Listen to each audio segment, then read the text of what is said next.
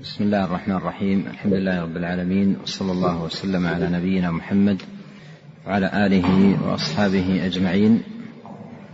وبعد نبدأ مستعينين بالله عز وجل في قراءة هذا الكتاب منهج ودراسات لآيات الأسماء والصفات للشيخ العلامة محمد الأمين بن محمد المختار الشنقيطي رحمه الله.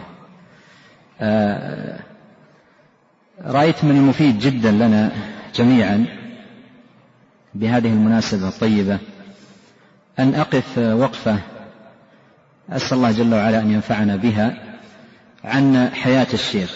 وتذكرت كلمة تنقل عن أبي حنيفة رحمه الله ولها مغزى.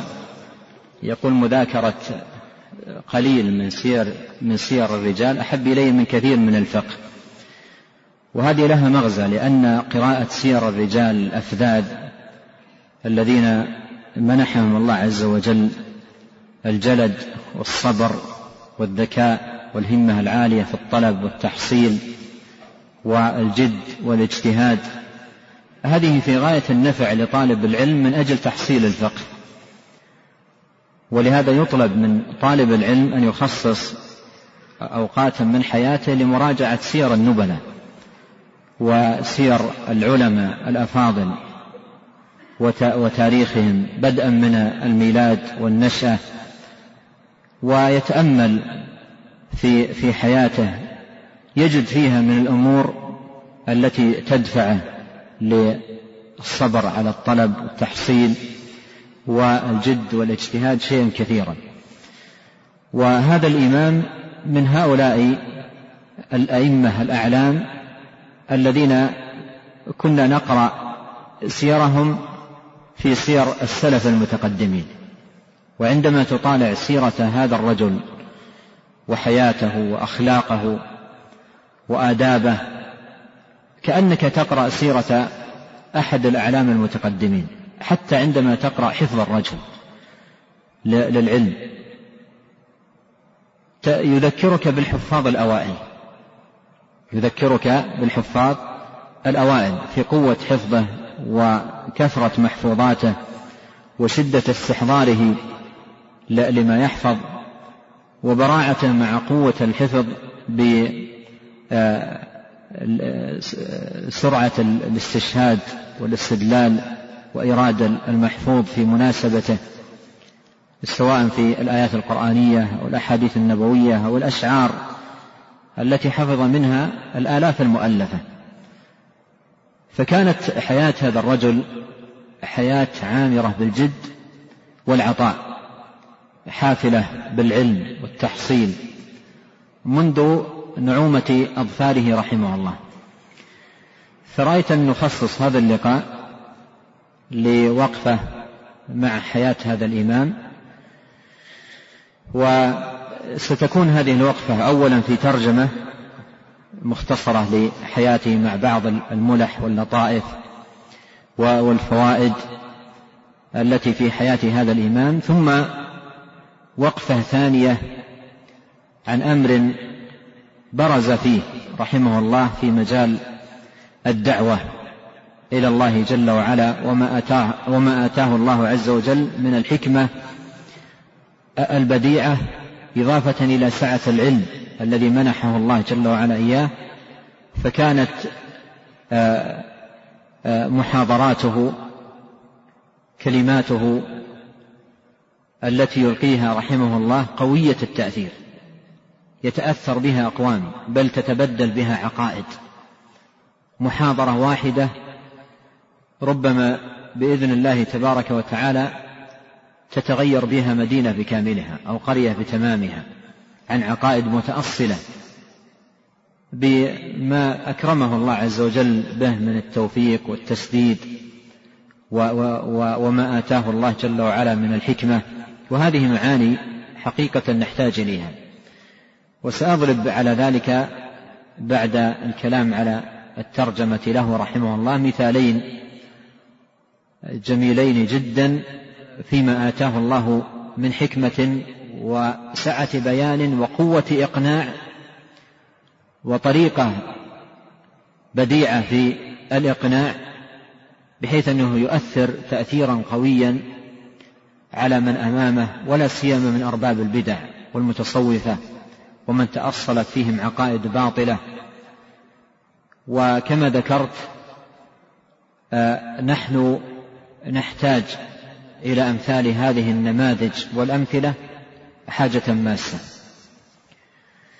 نقف أولا مع ترجمة لحياة هذا الإمام رحمه الله وهو الشيخ محمد الأمين اسم مركب ابن محمد المختار أيضا اسم مركب ابن عبد القادر الجكني الشنقيطي. ولد رحمه الله في موريتانيا سنة ألف وثلاثمائة وخمس وعشرين. ونشأ يتيما. توفي والده وهو صغير السن. ما زال في حفظه لجزء عما وجزء تبارك في, في, في تلك السنوات من عمره وهو صغير. وعاش في بيت أبناء خاله وهم في الوقت نفسه أبناء عمومته لأن والده كان قد تزوج بنت عمه فعاش في بيت أبناء عمه وهم في الوقت نفسه أخواله وكان بيت علم وفضل. كان بيت علم وفضل وتلقى عليهم في البيت نفسه علوما كثيرة في النحو والأنساب حتى إن زوجة أحد أخواله كانت عالمة. قرأ عليها الأنساب وقرأ حفظ عليها متون في البيت. هذا قبل أن ينتقل إلى مرحلة أخرى في في الطلب. فهو مع اليتم نشأ في بيت علم ويقول رحمة الله عليه يقول كنت وأنا صغير أميل للعب. كنت وأنا صغير أميل للعب وكانوا حريصين علي في الحفظ والقراءة فكانوا يحفظونني وأنا صغير الأحرف الهجائية بالحركات باء فتح باء باء كسر بي باء ضم بو فكانوا يحفظونني إياها وأريد أن ألعب. يقول فكانوا أولا حفظوني الحروف بدون الحركات ثم بدأوا يحفظونني الحركات. فلما وصلنا الباء أو التاء بالحركات قلت لهم باقي الحروف هكذا؟ كان ذكي من صغره. قلت لهم باقي الحروف هكذا؟ قالوا نعم. قلت أنا أقرأ لكم إياها بدون تعليم وتتركونني ألعب. فكمل لهم بقية الحروف على القاعدة.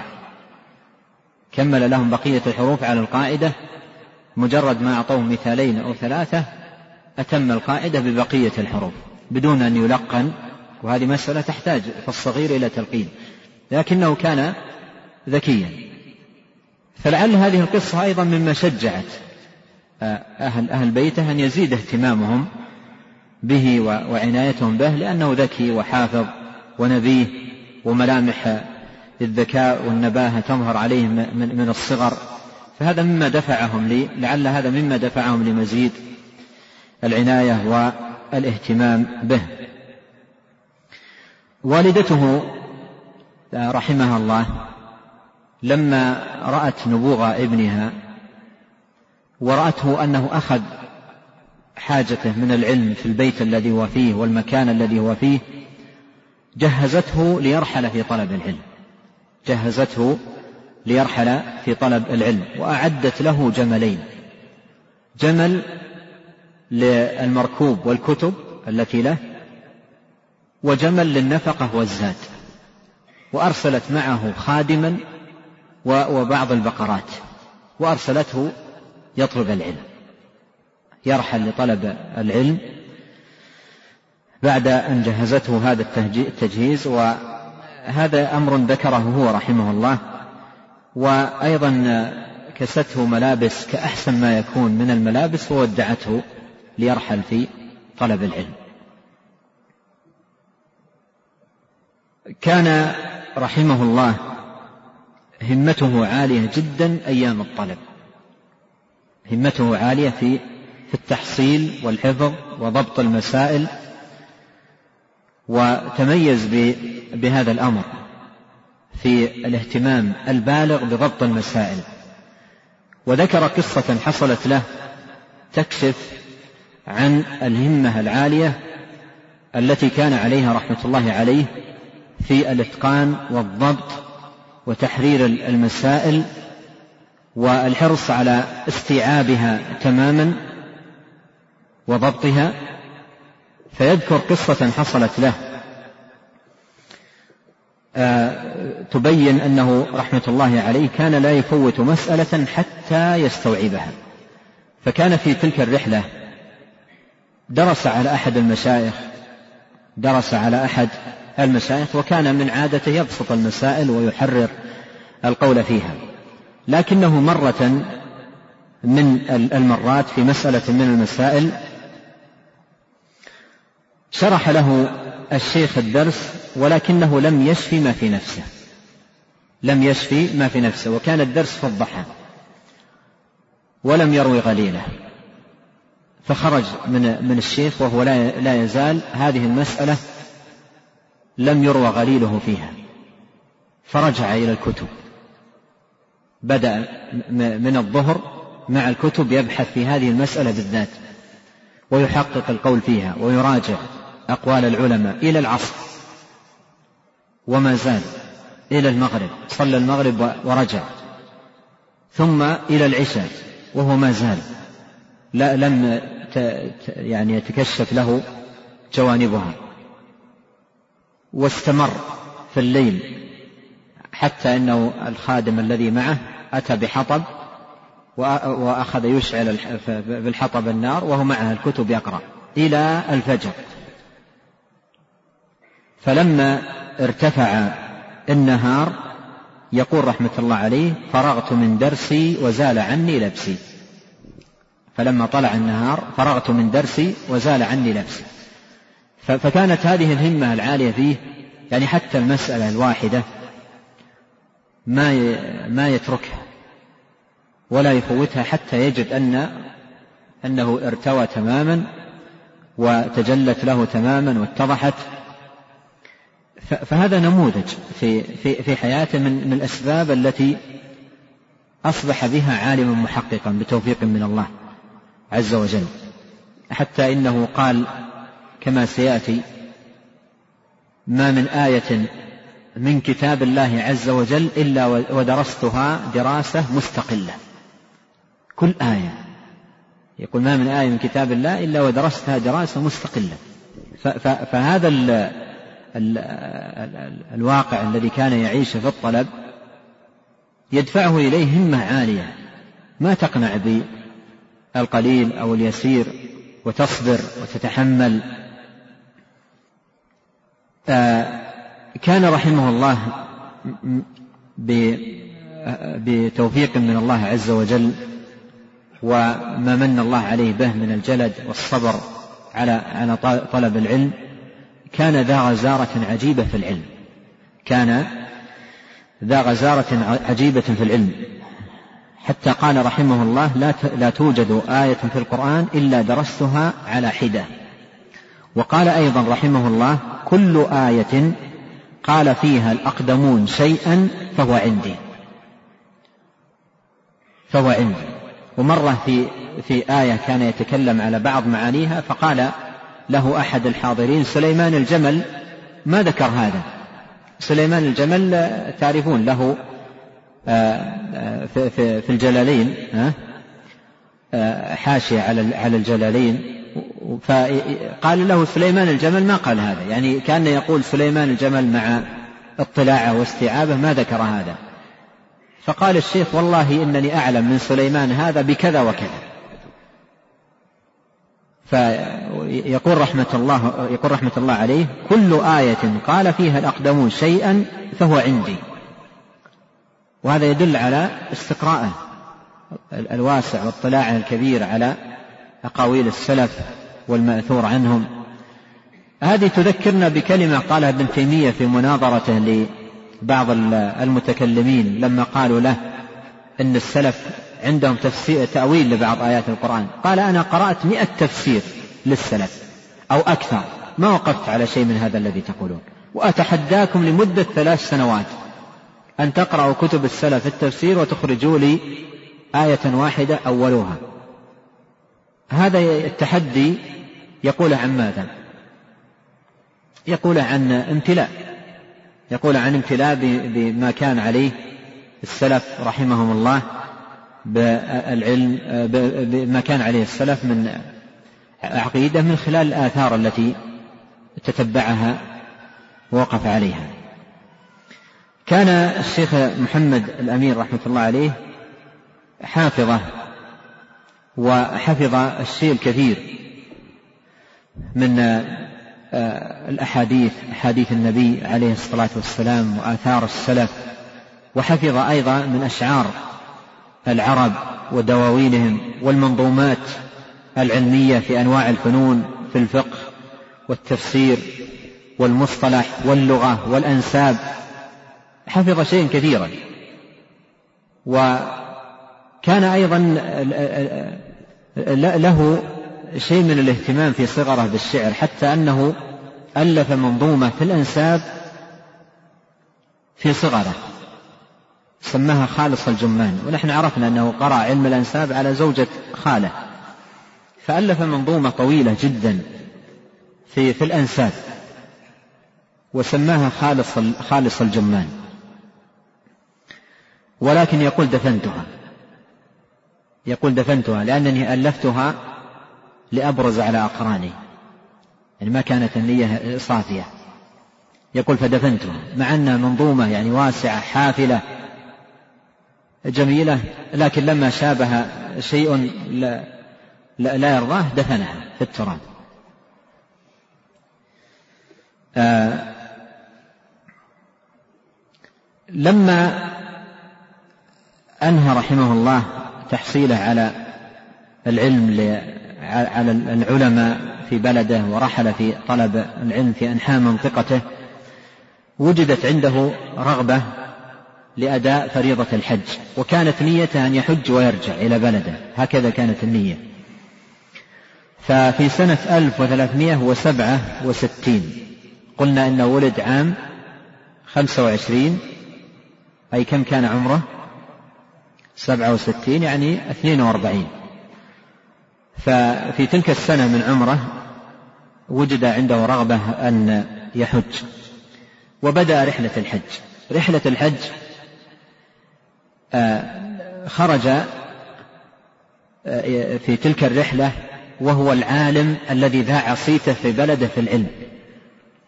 ذاع صيته في العلم وصارت له مكانة وكان يرجع إليه في الفتوى وفي القضاء.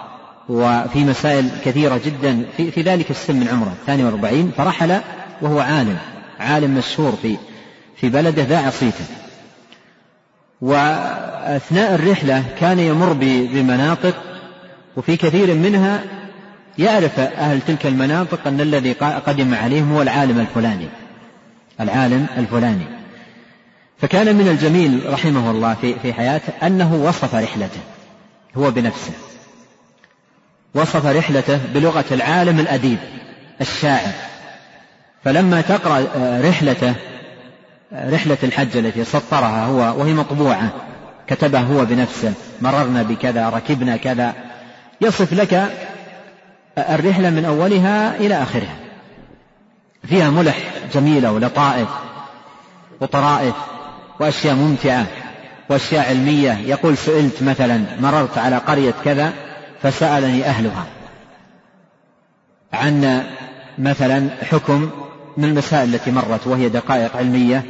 يقول سئلت عن آه، الحاكم الذي ولاه على المسلمين كفار. تولية المسلم على المسلم بتولية الكافر. يقول سئلت عن عن هذه المسألة فأجبت ويذكر الجواب. تسع صفحات. تسع صفحات أجاب فيها عن هذه المسألة. فيذكر الأسئلة التي وردت عليه. أحيانا يسأل عن بيت من الشعر وأحيانا يسأل عن وصف معين أحيانا يسأل عن مسائل نحوية. وخذ من البسط. أجوبة من الحافظة. لكن خذ من التحقيق ومن البسط. تجدها كلها الأجوبة مبثوثة يذكرها. فتجد بعض المسائل في تسع صفحات في عشر في أقل في أكثر مليئة باللطائف. ومليئة بالطرائف جدا. حتى الأشياء التي يعني آه، طريفة التي مرت عليه في رحلة تسجلها. يقول كنا مرة في مجلس في السودان وكنا نتحدث عن بعض المسائل فكان أحد العوام حاضر عندنا في المجلس. فقال لنا يا شيخ أنا أغبطكم بمرورك بمروركم على هذه المنطقة. أغبطكم بمروركم على هذه المنطقة لأن فيها مكان شريف. العام يقول لهم لأن فيها مكان شريف. يقول قلت له إيش المكان الشريف الذي في المنطقة؟ قال فيها الخرطوم. قلت وما الخرطوم؟ قال ذكرها الله في القرآن. سنسمه على الخرطوم. فكل هذه يذكرها. ومن الطرائف التي ذكر يقول كان معنا هي ليست طريفة وإنما أسلوب الشيخ. يقول كان معنا في منطقة مروا عليه يقول استأجرنا سيارة. يقول سائق السيارة قيل لنا أن أصله عربي من الشام. يقول كان عفيف الجبهة. كان الرجل عفيف الجبهة. إيش تفهم منها؟ يقول كان عفيف الجبهة. حتى أن من عفته لجبهة من جبهة لجبهته أن جبهته لا لا تلامس الأرض. لا تلامس الأرض. يقول فهو لا يفكر فهو لا, لا, لا يصلي فضلا عن يفكر في الصلاة. عفيف الجبهة. حتى أن بعدها بصفحات قال ثم ذهبنا فقال لنا عفيف الجبهة الآن وقت يعني ابتلوا بهذا السائق. الشاهد هذه لفتة لكم جميعا أن تقرأوا الرحلة. أن تقرأوا رحلة الشيخ إلى الحج التي سطرها بقلمه مليئة بالتحف والفوائد واللطائف والتحقيقات والمسائل العلمية التي كان يبسطها رحمة الله عليه. آه، بعد الحج توجه رحمه الله إلى المدينة. ثم نشأت عنده رغبة أن يبقى في المدينة. نشأت عنده رغبة أن يبقى في المدينة. النية أصلا لما جاء أن يحج ويرجع. لكن لما وصل إلى إلى إلى المدينة وجدت عنده رغبة أن يبقى. وقال كلمة رحمه الله قال ليس من عمل أعظم من تفسير كتاب الله في مسجد رسول الله. صلى الله عليه وسلم. ليس من عمل أعظم من تفسير كتاب الله في مسجد رسول الله. صلى الله عليه وسلم. فوجدت عنده رغبة إقامة في المدينة من أجل أن يفسر القرآن في مسجد الرسول عليه الصلاة والسلام. وحقق الله عز وجل له رغبته هذه. فأتم تفسير القرآن كاملا. قيل مرة وقيل مرتين في مسجد الرسول عليه الصلاة والسلام. وبدأ بالمرة الثانية أو الثالثة ولم يتمه وصل إلى سورة التوبة. ومع ذلك أيضا كان مشتغل رحمة الله عليه بتفسير أضواء البيان. كان يعده في في بيته ويحرره وكان يأخذ منه جهدا عظيما. حتى ذكر ابنه الشيخ عبد الله أن في بعض المرات يدخل عليه ضيوف في البيت ما يشعر بهم. باله ذاهب يجمع الشواهد ويستحضر الشواهد للآية التي كان بصدد الكلام عليها.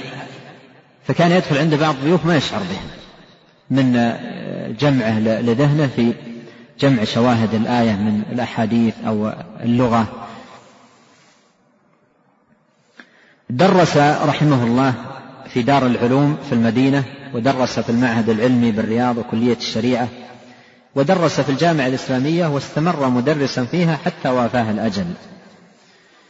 وكان عضوا رحمة الله عليه في المجلس الأعلى للجامعة وعضوا أيضا في هيئة كبار العلماء في المملكة العربية السعودية وعضوا في المجلس التأسيسي لرابطة العالم الإسلامي. وله مؤلفات كثيرة جدا معروفة عند طلاب العلم من أشهرها أضواء البيان ومنع جواز المجاز ورفع هام الاضطراب عن الكتاب وشرح مراقي السعود وبيان الناسخ والمنسوخ. وغيرها من المؤلفات التي جمعت مؤخرا في مجموع أشرف عليه العلامة الشيخ بكر أبو زيد حفظه الله ومتع بالصحة والعافية وهو من الذين لازموا الشيخ ملازمة طويلة وأخذوا عنه علوما عديدة منها علم الأنساب. حتى يقال أن الشيخ قال له ما أخذ عني علم الأنساب في هذه الديار إلا أنت.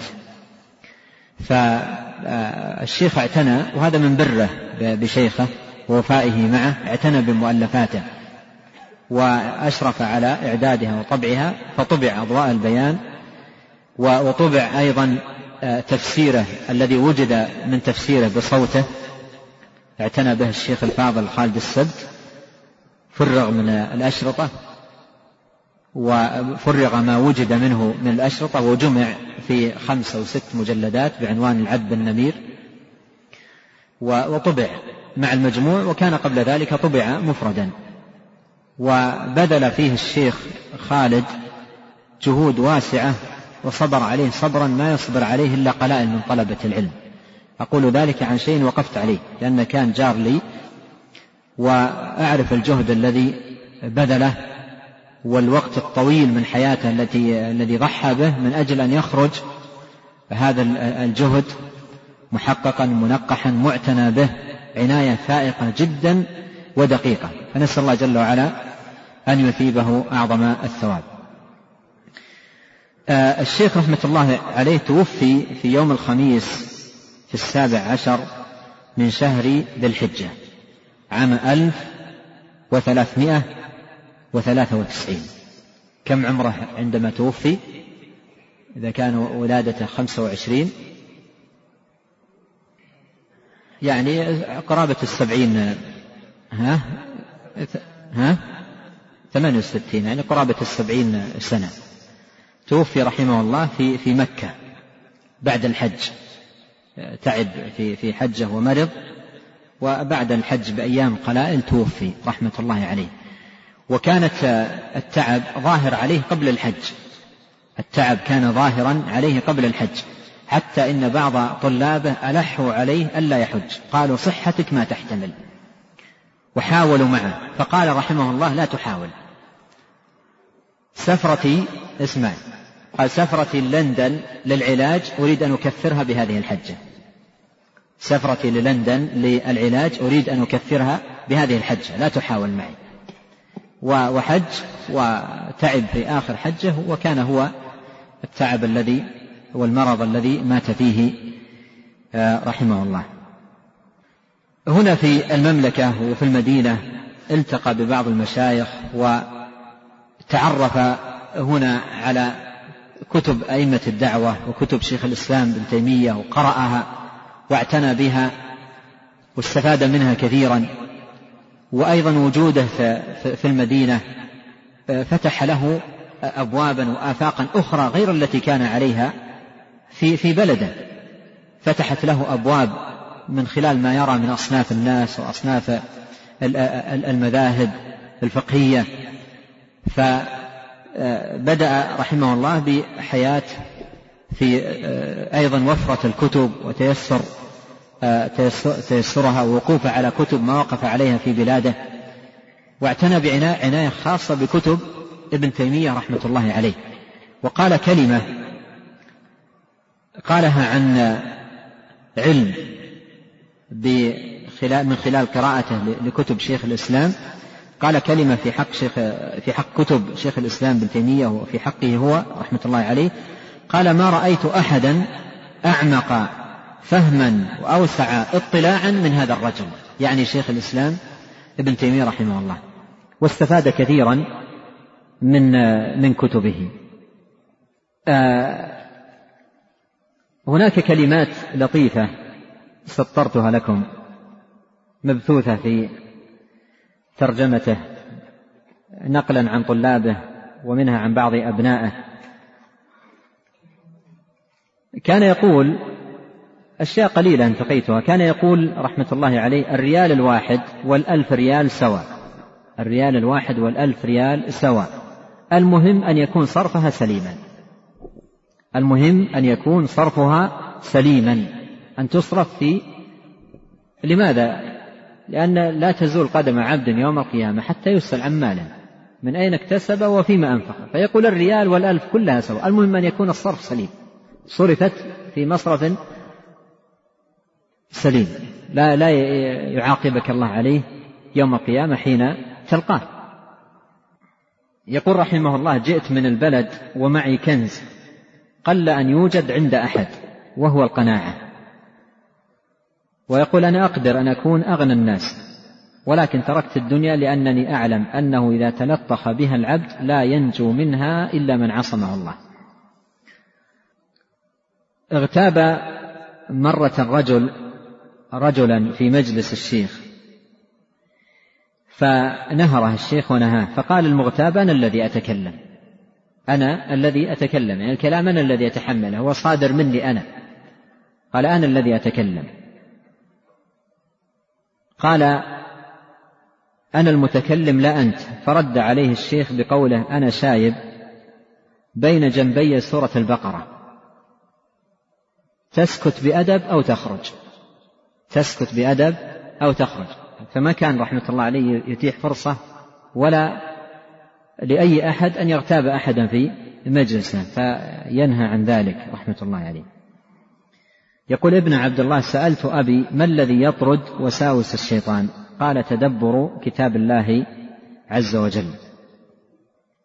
أريد أن أنتقل معكم إلى جانب نحتاج إليه كثيرا مفيد فائدة عظيمة في منهج الشيخ رحمة الله عليه في الدعوة إلى الله عز وجل مع العلم الواسع العميق والحفظ الكبير والعناية الدقيقة بكتاب الله عز وجل وما نحسب الرجل عليه من الصدق والإخلاص نحسبه والله حسيبه كانت كلماته مؤثرة جدا مؤثرة.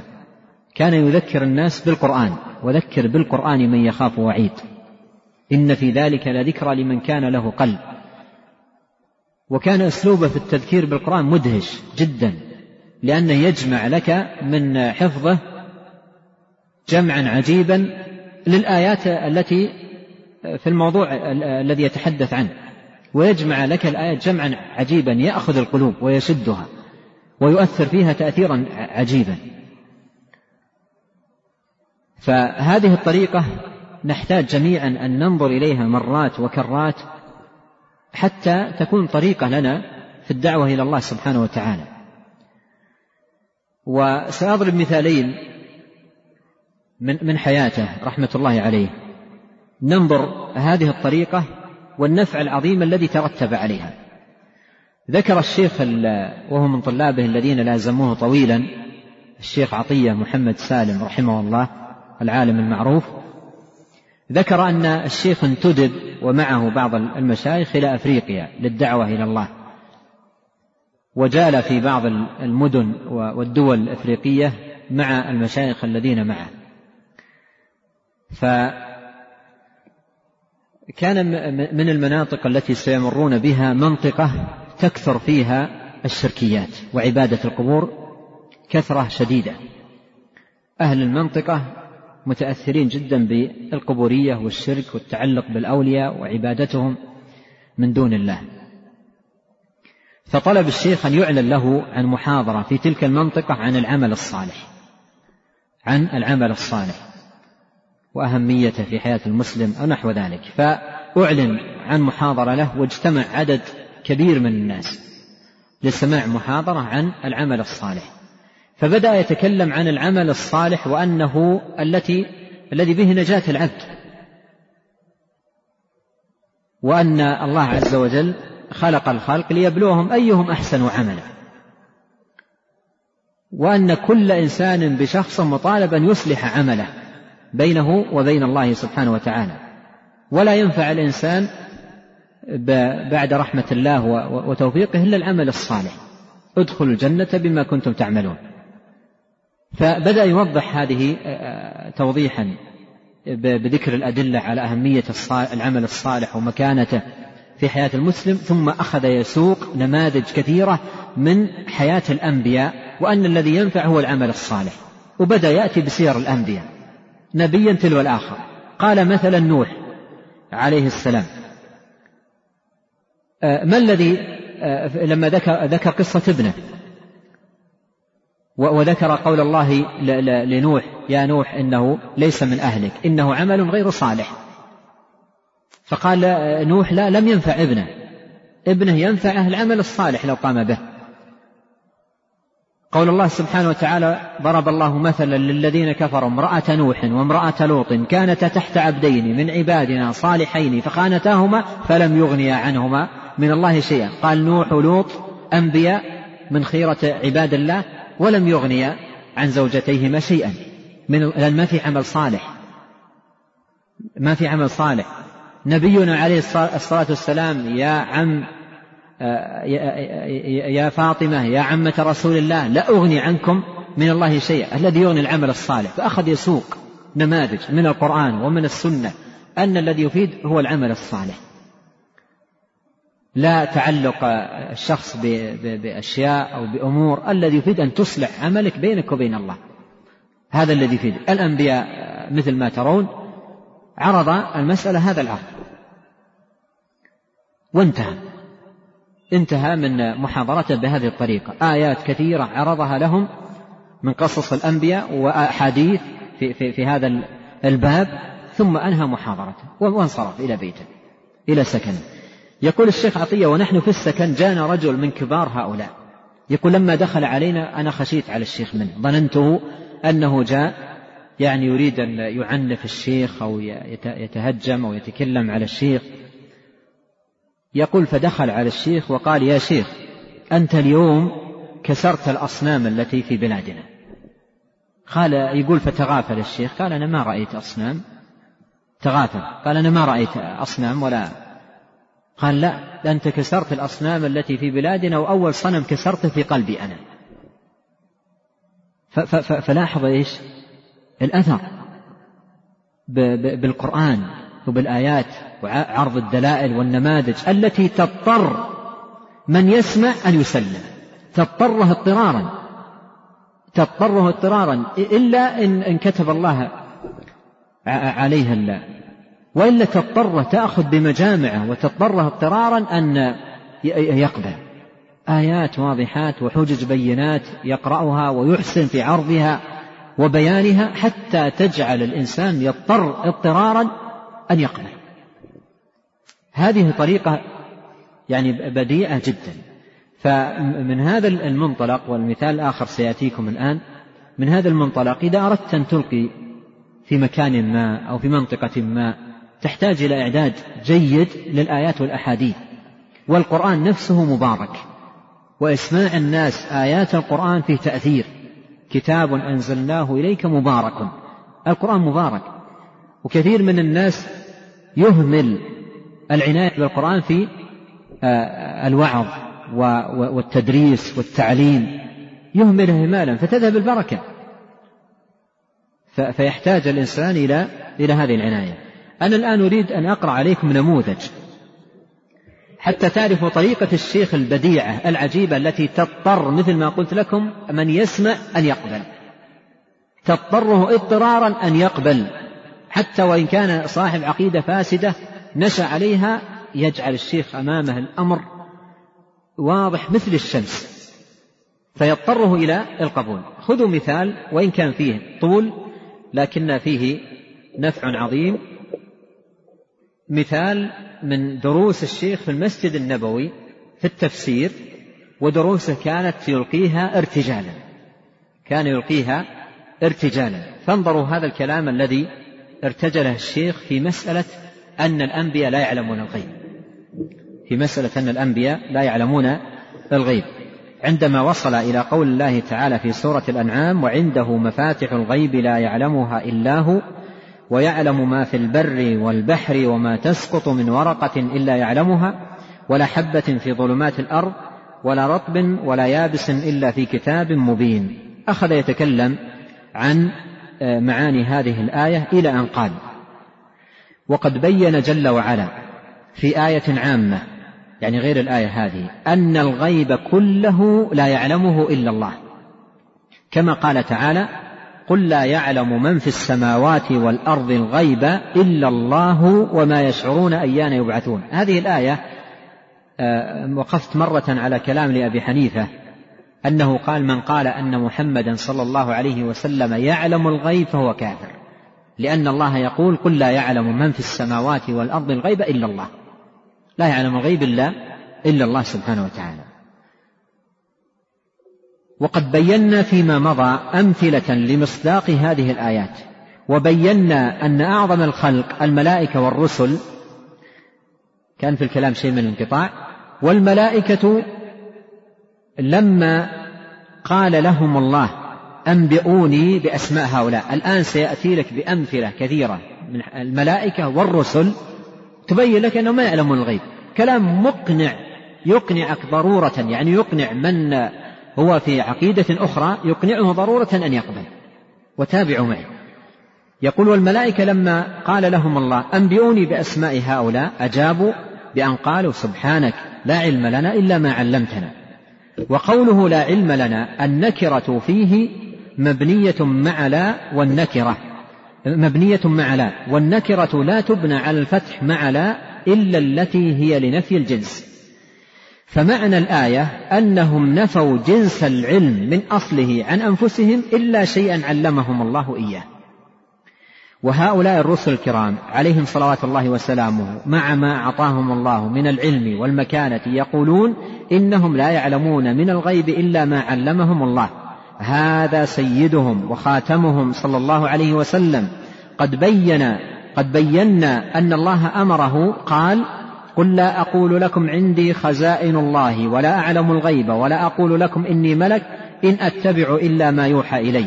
وأمره أيضا في سورة الأنعام أن يقول قل لا أملك لنفسي نفعا ولا ضرا إلا ما شاء الله.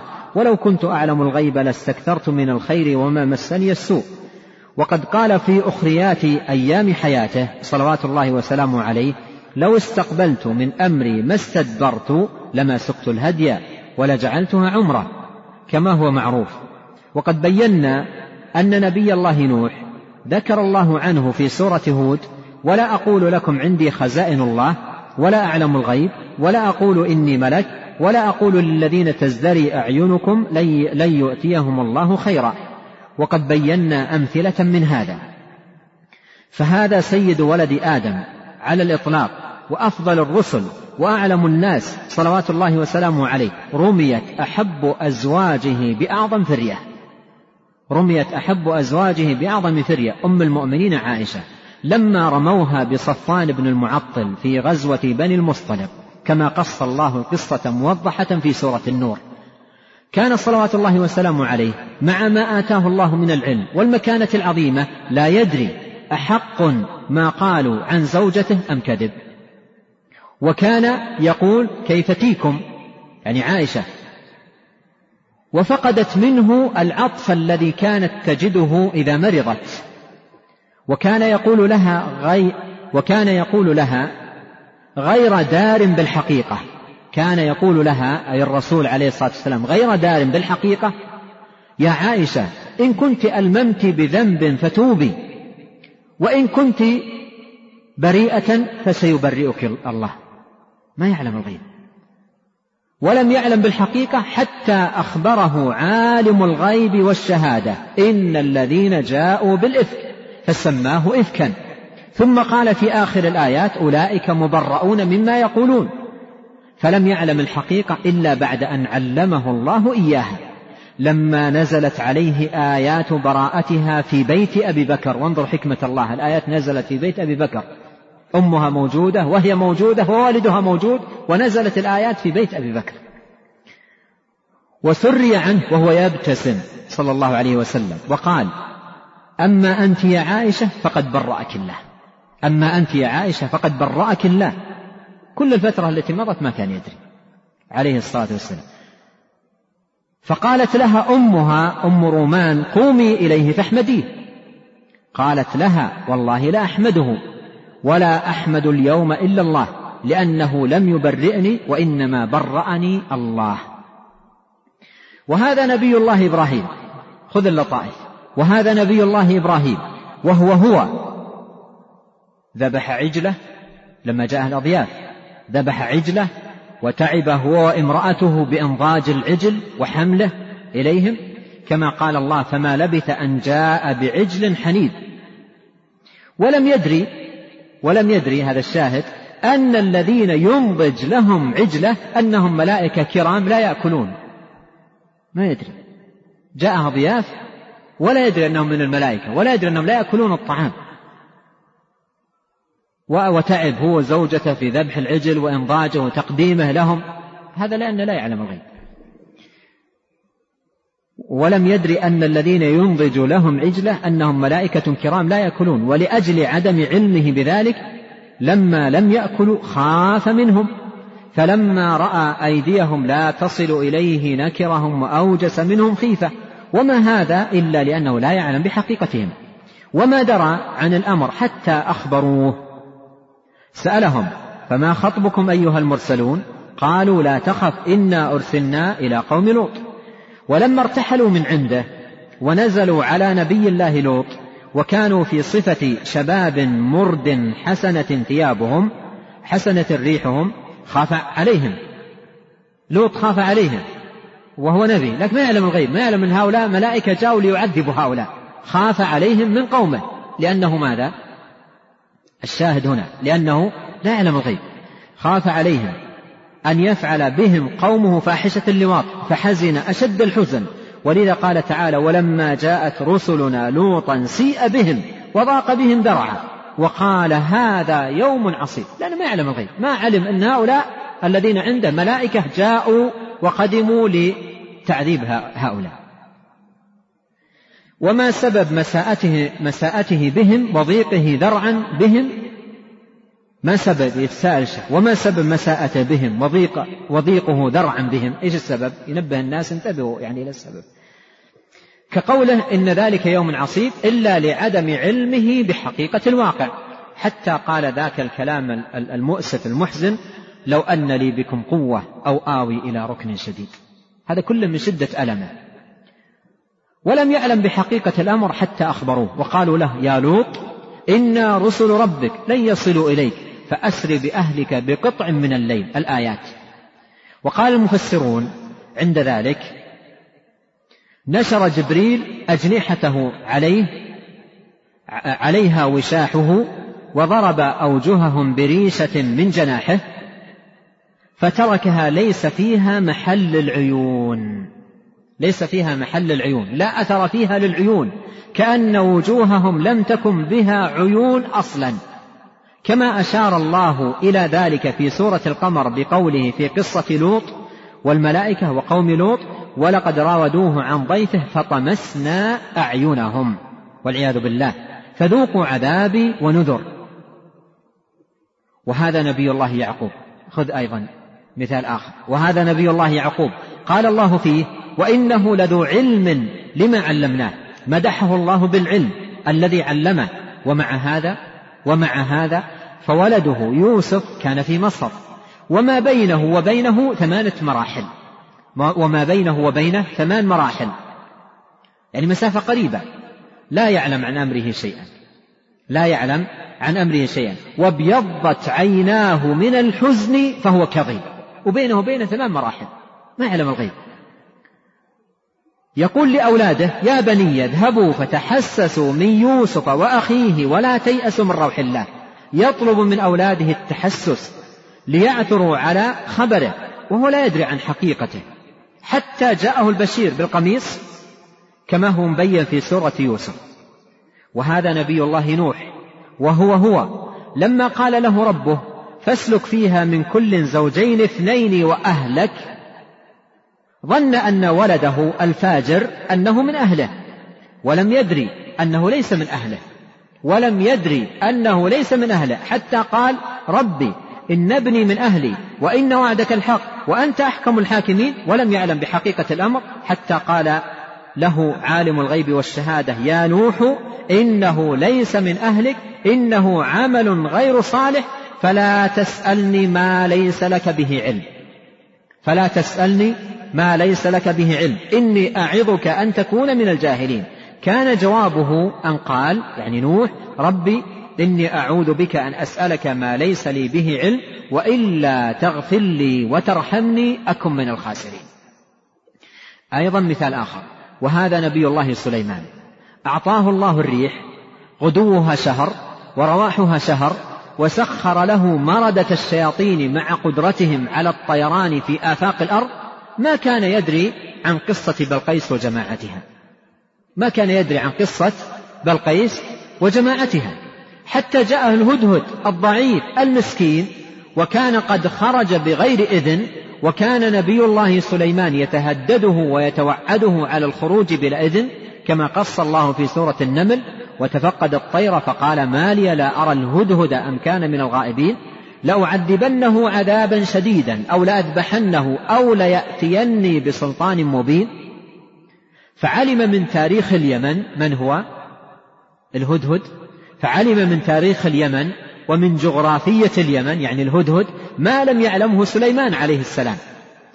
وهذا العلم الضئيل البسيط علم التاريخ وجغرافية وجغرافية علم تاريخ وجغرافيا أعطى هذا الضعيف يعني الهدهد قوة وكان له سلاحا وقواه على سليمان حيث كان هو يعلم شيئا يجهله سليمان. ولذا قام غير مبال بالوعيد الهدهد. قام غير مبال بالوعيد مع أن سليمان ملك نبي له هيبة الملك وهيبة النبوة. ومع هذا وقف ذلك الهدهد بين يديه وقفة البطل غير مكترث بالوعيد وإنما قواه أنه علم شيئا من جغرافية اليمن وتاريخهم. هذا الذي قواه. لم يعلمه سليمان. ونسب الإحاطة إلى نفسه ونفاها عن سليمان وقال إني أحط بما لم تحط به. وقال إني أحط بما لم تحط به وجئتك من سبأ بنبأ يقين. هذا النبأ بين فيه بعض تاريخهم. هذا هو النبأ. بين فيه بعض تاريخهم. أنهم كفرة يسجدون للشمس وأن ملكتهم امرأة. قال إني وجدت امرأة تملكهم وأوتيت من كل شيء ولها عرش عظيم. وجدتها وقومها يسجدون للشمس من دون الله. الآيتان. وعند خبر الهدهد إياه لم يعلم أيضا حقيقة الأمر. مع إخبار الهدهد له بهذا الخبر لم يعلم حقيقة الأمر. فماذا فعل؟ قال لأنه ما كان يعلم صدق الهدهد ولذا قال مخاطبا له سننظر. أصدقت أم كنت من الكاذبين؟ هذا يدل على أنه إيش؟ ما يعرف الغيب. سننظر. يعني سنرسل أحد إلى تلك المنطقة ويبحث وينظر ويأتينا بالخبر اليقين. ثم أرسله بكتاب كما في هذه الآيات من سورة النمل. كل هذه الأمور يعني الآن أعطانا الأمثلة ثم وصل إلى نتيجة قال كل هذه الأمور من عدم علم الأنبياء الكرام والملائكة الكرام هذه الأمور من الغيب.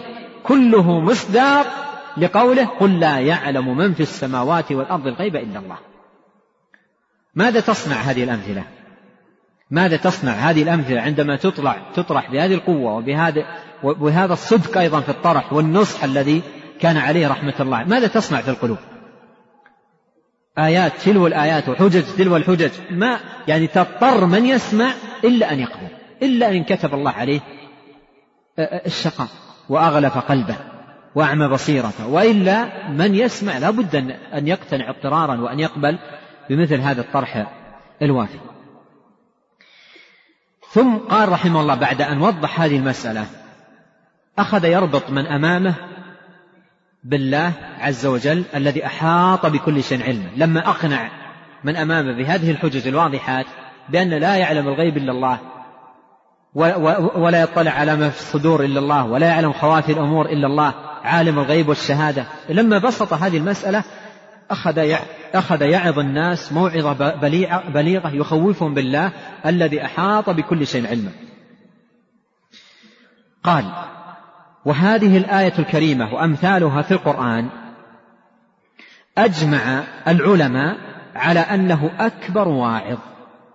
أجمع العلماء على أنه أكبر واعظ وأعظم زاجر.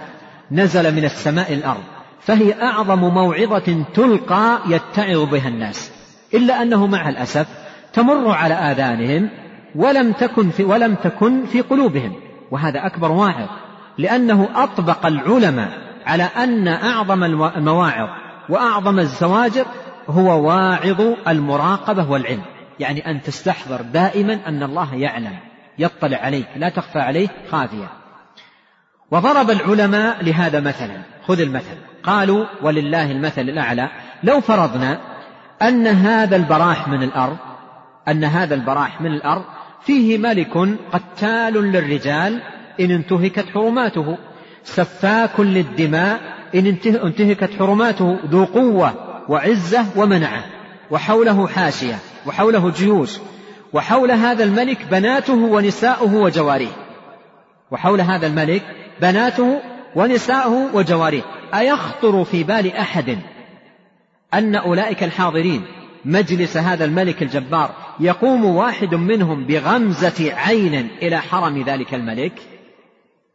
أيخطر بالبال ملك يعني عنده بطش وقوة وجيش وقتال للرجال سفاك للدماء إذا انتهكت حرماته وحوله جيوشه وحوله نساءه وحرمه.